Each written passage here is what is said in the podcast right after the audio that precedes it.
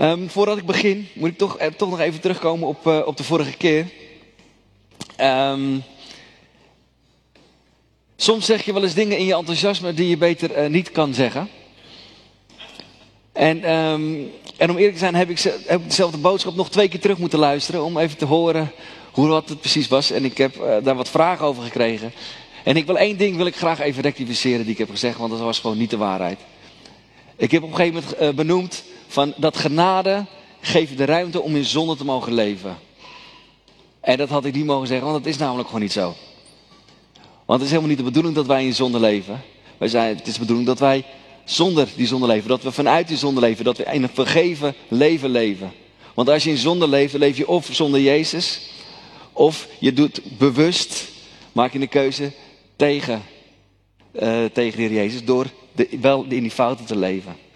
Wat ik had moeten zeggen, is eh, genade geeft de ruimte om fouten te kunnen maken. Om te kunnen zondigen, zo nu en dan.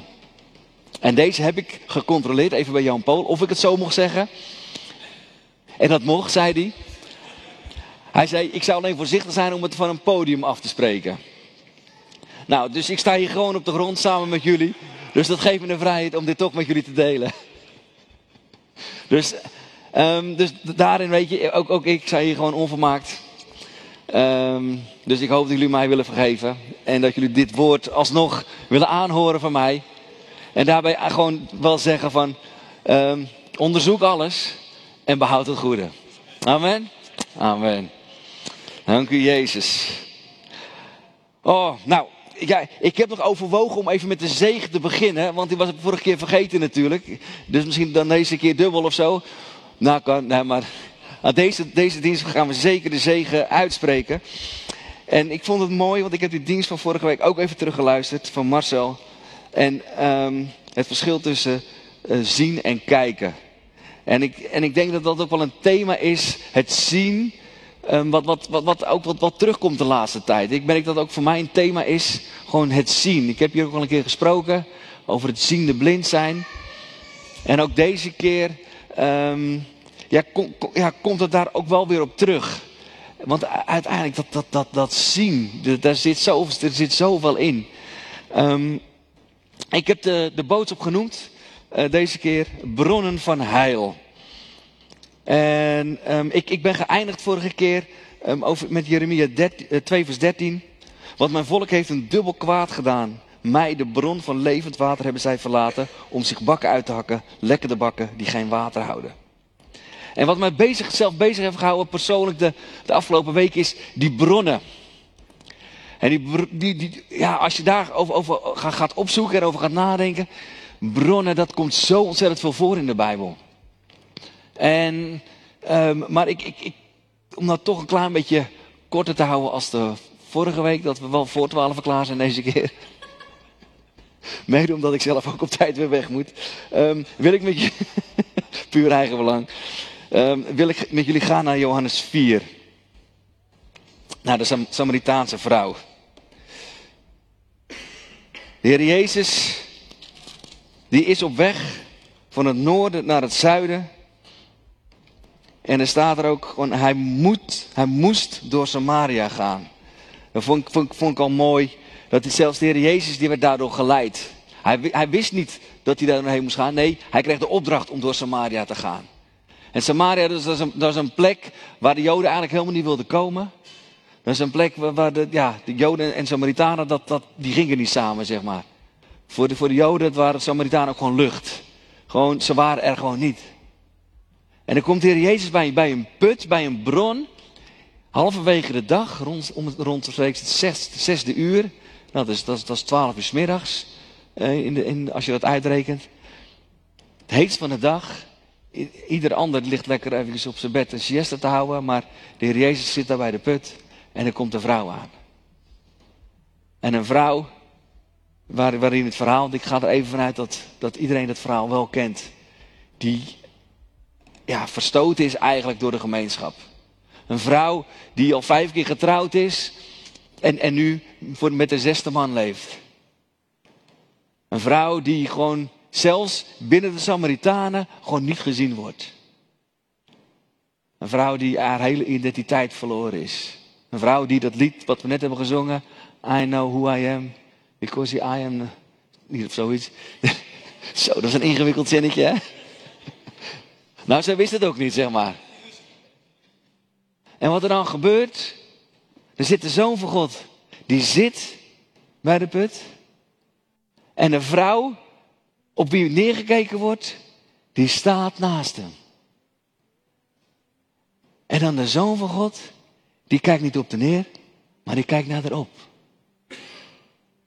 Een vrouw die haar hele, ja, die gewoon het niet meer weet. En die vrouw die moet water halen. Gewoon voor haar dagelijkse leven.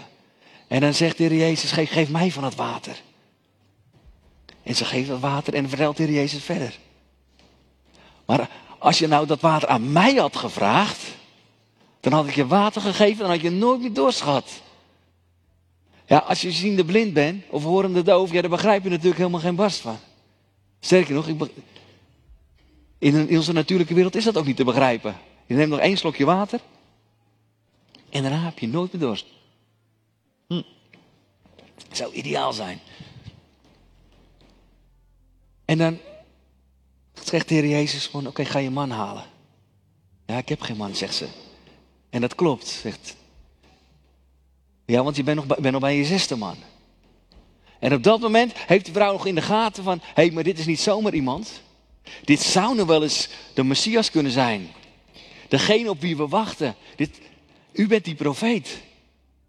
En dan gaat ze opeens gaat ze heel religieus praten.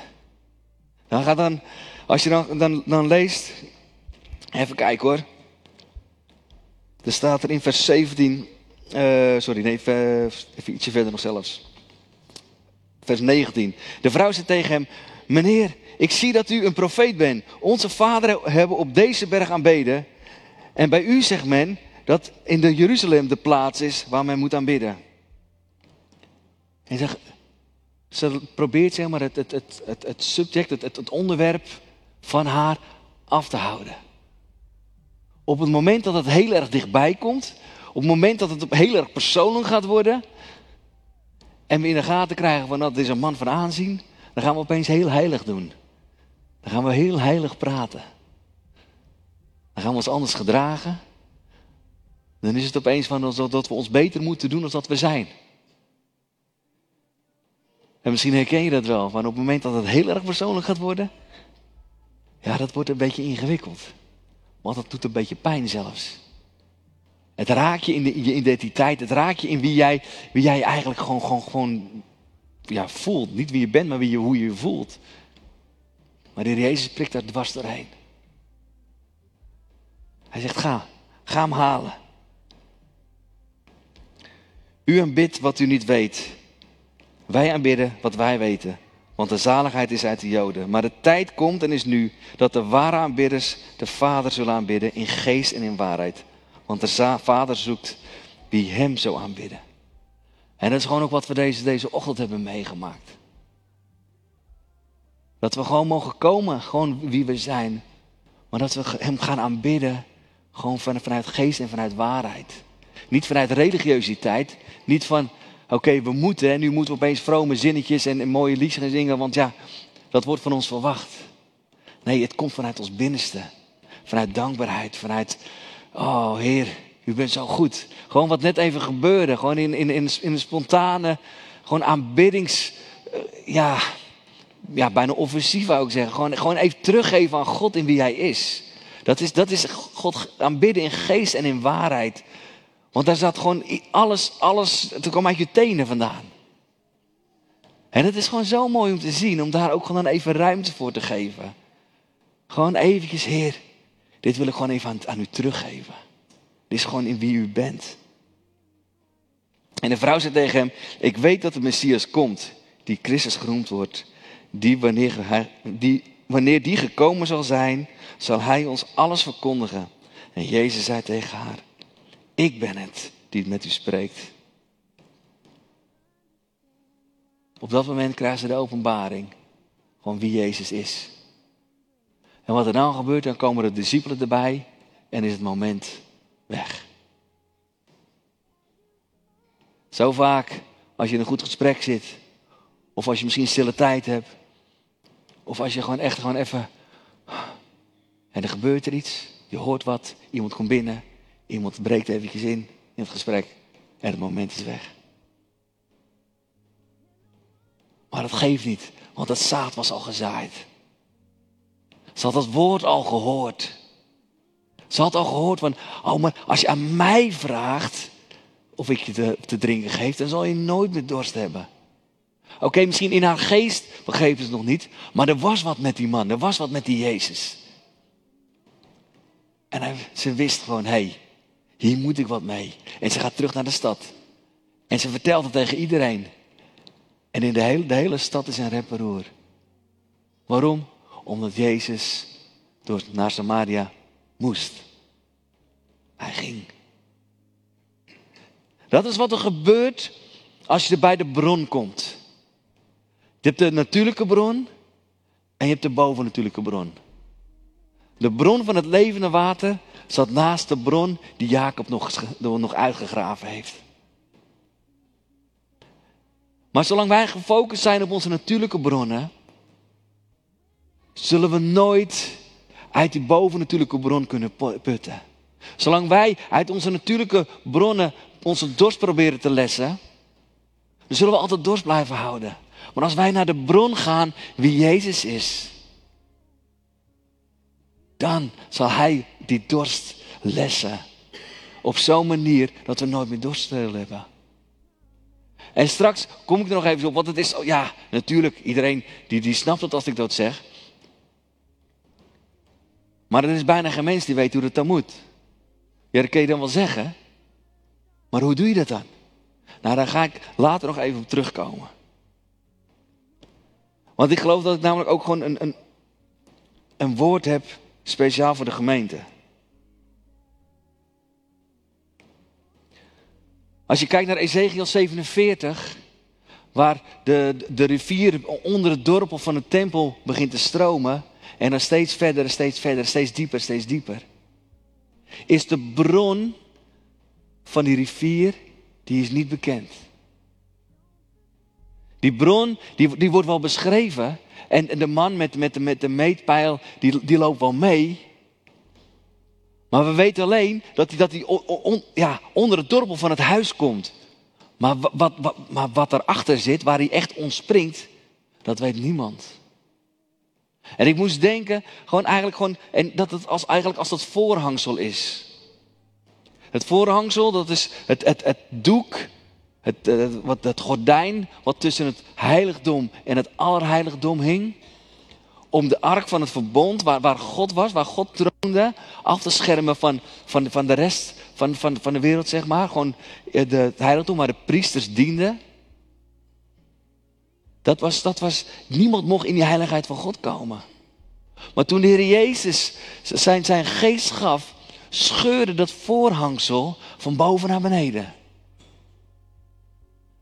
En dat gaat nu even te ver om uit te leggen waar het voorhangsel allemaal voor staat. Maar wat er gebeurde, is, is gewoon dat de Heer Jezus op dat moment door zijn dood de, de, de, de weg naar de heerlijkheid van God opengemaakt heeft. En het werd zichtbaar. Het bizarre is, toen dat gebeurde, toen het voorhangsel gewoon scheurde, ja, dat, dat stond niet, die ark stond er niet eens meer. Die was jaren daarvoor al weggehaald. En de Israëlieten, die gingen nog wel elk jaar heel vroom achter de voorhangsel. Eén keer per jaar mocht het dan. De hoge priester ging dan met een, met een schaal met bloed om verzoening te doen voor het volk. Want het was gewoon pure religiositeit. Er stond niet eens een ark meer. Maar toen het voorrang scheurde, was dat gewoon het teken dat de, de weg naar de hemel is open. De weg naar de heerlijkheid is open. Het, het rechtstreeks communiceren met, met, met God de Vader, met de Heer Jezus, door zijn Heilige Geest. De, die weg is nu, is nu vrij. En ik, en, ik moest, en ik moest denken voor, voor de gemeente aan Hagar. Hagar, in Hagar 16, ik moet even uitleggen. Hagar, dat was, was, de, was de, de, de slavin van Sarah, de vrouw van Abraham. En, en God had de belofte gedaan dat Abraham en Sarah een kind zouden krijgen, of, of kinderen, omdat er zou een groot volk uit hun komen. Maar ze waren onvruchtbaar. En dat ze het op een gegeven moment zelf gaan, eh, gaan, gaan, gaan oplossen. En dat Sarah zegt van nou neem dan Hagar, mijn slavin, en verwek bij haar een kind. En zij wordt zwanger. Maar zij moet vluchten. Zij vlucht weg. Want ze kon niet meer leven samen met Sarah, want die was zo ontzettend jaloers. En dan vlucht ze in Genesis 16. En dan ontmoet ze de engel van de Heer. En de engel zal met een hoofdletter, dus ik mag aannemen dat dat de Heer Jezus is. Omdat ze, en ze zit bij een bron. En dan zegt hij tegen haar, um, ik ga hem even opzoeken. Want ik wil het wel juist zeggen. Voor het weten moet ik weer gaan activiseren. Laten we maar een grapje ervan maken.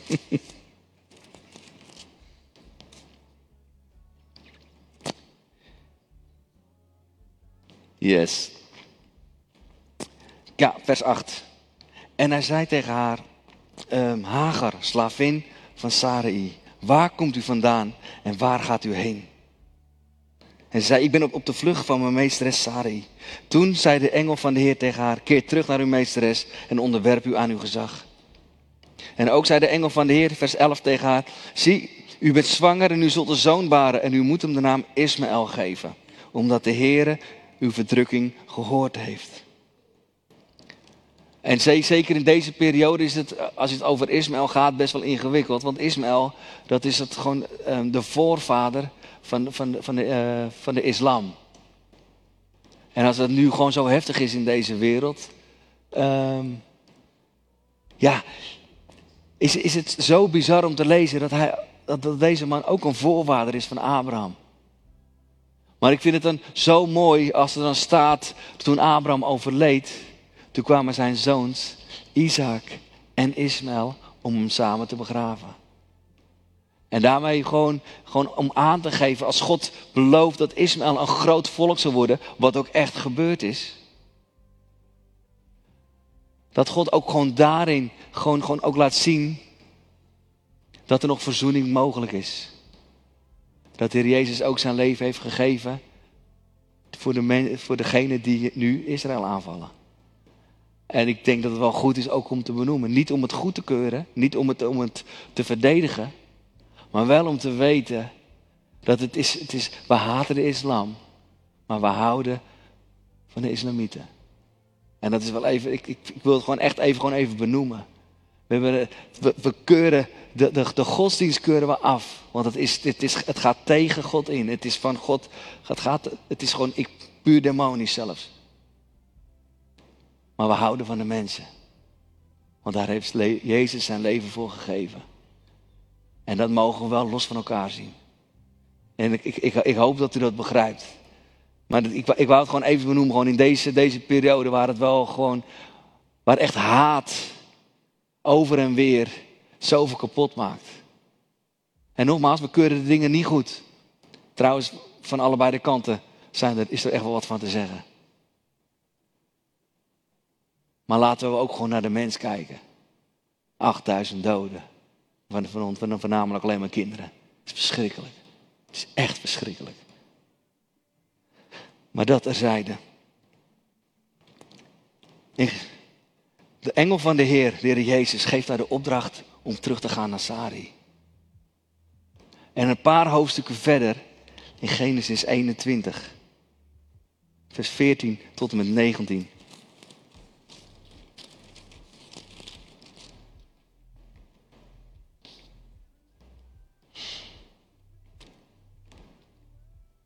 Toen stond Abraham, Abraham s morgens vroeg op, nam brood en een zak met water en gaf die aan Hagar en legde die op haar schouder. Hij gaf haar ook het kind en stuurde haar weg. Zij ging op weg en dwaalde rond in de woestijn van Berseba. Toen het water uit de zak op was, wierp zij het kind onder een van de struiken en ging op een afstand zitten, zo ver als men met een boog kan schieten. Want zij zei, laat ik het kind niet zien sterven terwijl hij op een afstand zat. Begon ze luid te huilen. Toen hoorde God de stem van de jongen en de engel van God met een hoofdletter riep tot Hagar vanuit de hemel en hij zei tegen haar, wat is er met u Hagar? Wees niet bevreesd, want God heeft, u, heeft naar de stem van de jongen die daar ligt geluisterd. En opnieuw de belofte, sta op, deel de jongen overeind en houd hem vast met uw hand. Ik zal hem tot een groot volk maken. En God opende toen haar ogen, zodat zij een waterput zag. Zij liep er naartoe, vulde de zak met water en gaf de jongen te drinken. En er viel mij twee, twee dingen op in deze twee passages, in Genesis 16 en in Genesis 21. De eerste keer dat de Heer Jezus, of de engel van de Heer, Hagar roept, zegt hij erachter, slavin van Sarah. Het tweede gedeelte was het alleen Hagar. In het eerste gedeelte was zij nog niet vrij. Zij, zij, zat, zij zat nog onder, een, onder een andere naam. Zij moest nog dienen onder een andere naam.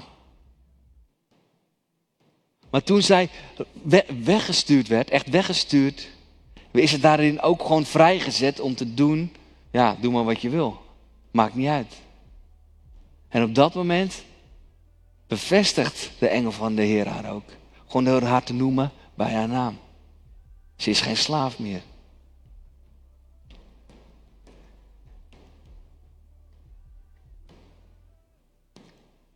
Het mooie daarin is, Hagar, die loopt te huilen, loopt te janken, te klagen en te doen. Maar de engel die zegt, ik heb de stem van de jongen gehoord. En wie is de jongen? De jongen is de belofte. En daar zit een sleutel in. Ik geloof dat als je gaat ontdekken wat de belofte is over jouw leven, als je gaat ontdekken wat de belofte is voor deze gemeente, en die belofte gaat spreken, dan zal de engel uit de hemel, engel van de Heer, die zal antwoorden. En wat gebeurt er dan? Je ogen gaan open en je zal de put zien. De eerste put in, in Genesis 16, die zag zij met haar natuurlijke ogen. Die tweede put in Genesis 21, die zag ze niet. Was ze er blind voor? Was die, was die put er überhaupt? Maar God opende haar ogen. En ik geloof op dat moment, en ik, ik kan het niet maar ik geloof dat het een bovennatuurlijke bron is die zichtbaar wordt. En ik heb hem zo opgeschreven. Als de belofte gaat spreken, komt er antwoord uit de hemel. Word je bevestigd in je identiteit. En gaan je ogen voor de bron open. En ik geloof dat dat ook het woord is voor de gemeente. Als je de belofte gaat spreken, komt er antwoord uit de hemel. Word je bevestigd in je identiteit. Naam tussen haakjes. En je ogen voor de bron gaan open. En er zit iets in de naam, en we hebben er al een keer over gehad. Ik geloof echt dat er, dat er in die naam dat er iets, iets in gaat veranderen. Waar je, eerst, waar je nu nog onder een naam van een ander uh, aan het dienen bent. Dat je, dat je mag gaan bewegen en gewoon, gewoon in de naam waarin God je bevestigt. Gewoon in wie je bent. Waar je nu nog misschien in het natuurlijke kijkt als gemeente. Dit is, en dit is niet alleen voor de leiders, hè? Dit, is, dit is voor de, voor de hele gemeente. Waar je nu nog beweegt in, het, in, het, in, in het, de natuurlijke dingen, de natuurlijke gemakken, waar het in het natuurlijke nog misschien handig is. Geloof ik, als je de belofte gaat spreken die God aan deze gemeente heeft gegeven, gaat hij je bevestigen in je naam, in je identiteit. En zullen je ogen opengaan voor een bovennatuurlijke bron.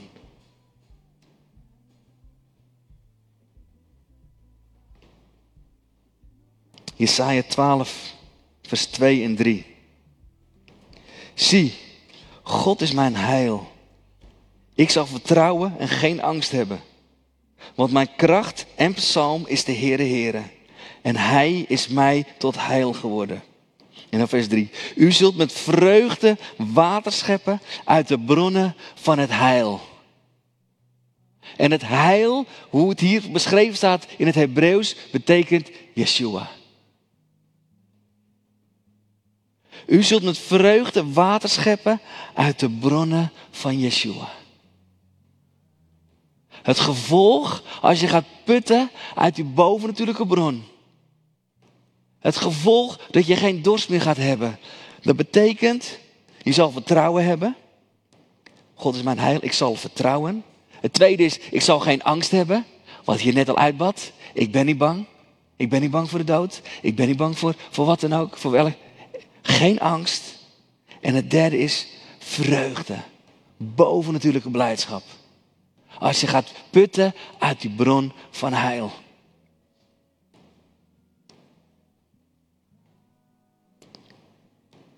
En dan komen we bij het hoe dan.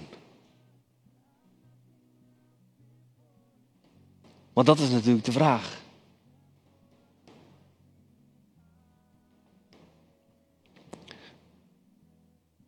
Nogmaals, het is een belofte voor de gemeente. En niet alleen voor de leiders. Als je de leiders nog eventjes mag en nog even, nog even terug op Hagar en op Ismaël. Op de, de moeder en de zoon van de belofte. En als de moeder, als ik die dan even mag vergelijken met de leiders van een gemeente. Die voorgaan. Die de, die de belofte verzorgen. Die de belofte te, willen onderhouden. Waar ze voor strijden. Waar ze de klappen voor opvangen. Als de leiders als moeder gewoon voor deze gemeente staan en willen verzorgen. Maar soms ook gewoon momenten hebben dat ze het even niet meer weten. Als ze eerlijk zijn. Dan denk je, ja maar hoe moet het nou?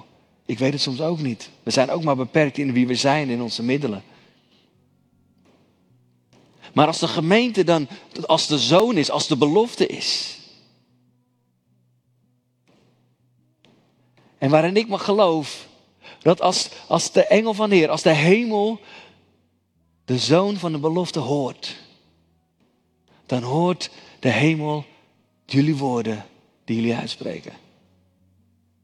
En hierin wil ik jullie gewoon echt uitdagen. Om woorden uit te gaan spreken. Die belofte voor jezelf te, te, te onderzoeken. En misschien weer te herontdekken. En anders te ontdekken. En ook woorden te geven aan de belofte van deze gemeente. En de belofte voor deze gemeente, dat zijn de mensen. En in dit geval zijn de beloften jullie.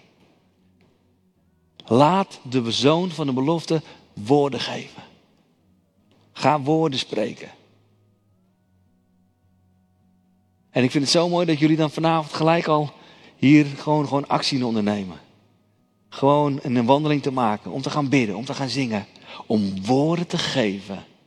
En niet alleen als zoon van de belofte van, van, van, van deze gemeente, de Baptistische gemeente Tiel.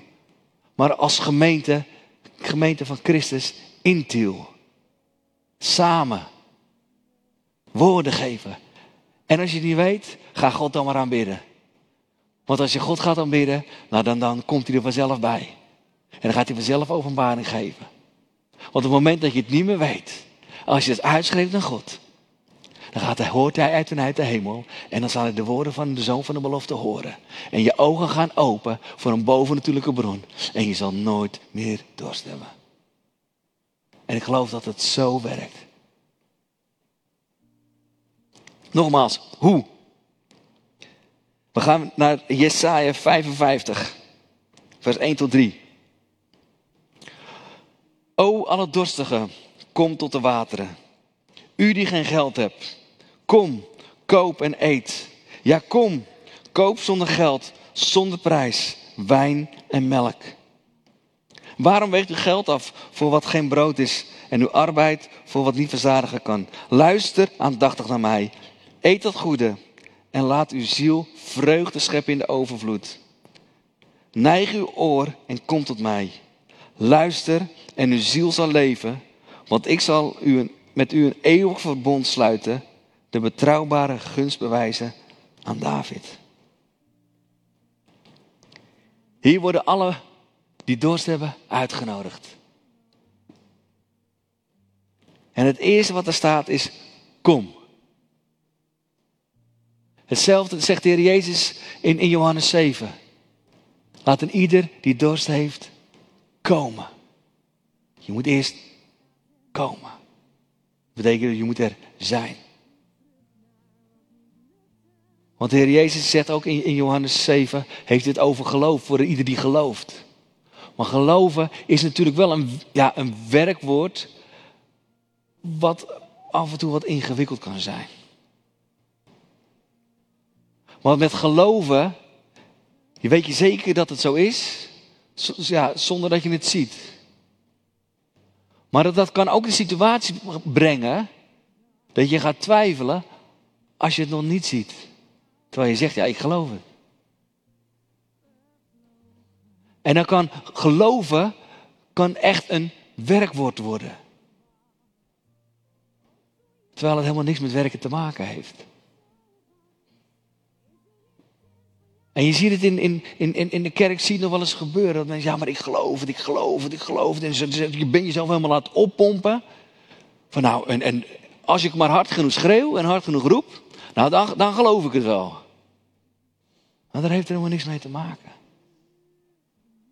En ik wil je eigenlijk gewoon, gewoon dus drie andere werkwoorden geven. Niet om dat geloven te vervangen, maar wel dat je erin kan gaan wandelen dat je het eigenlijk vanzelf gaat geloven. Is dat niet handig? En het eerste is komen. Komen. Kom en maak je bekend. Dat is gewoon weer spreken. Heer Jezus, hier ben ik. Hier ben ik gewoon in wie ik ben. Met mijn fouten. Gewoon met mijn tekortkomingen. Maar Heer, hier ben ik. Ik heb u nodig. Heer Jezus, ik hou van u. Heer Jezus, ik heb u nodig. Ik ben er. Heer, dank u wel dat u er ook bent. Komen. Het tweede, wat Jesaja hier zegt, is neig uw oor en kom tot mij, weer komen.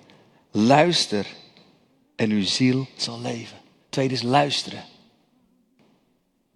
Als de Bijbel zegt dat geloven komt door het horen, door het horen van het woord van God. Mag je luisteren. Luisteren naar het woord. Moet het natuurlijk wel goed verteld worden. Ja, een beetje zelfspot hou ik altijd wel van. Maar het gaat om het luisteren. En als, het, en als dat dan van de preken luisteren wat ingewikkeld is, ga dan gewoon lezen. En doe het hardop en luister naar jezelf. Meer puur kan je het niet krijgen. Het woord. Luister naar het woord van God. En uw ziel zal leven. En het levende water komt opnieuw. Het, het zal, gaat, gaat leven. En het laatste staat in Openbaring 22, vers 17.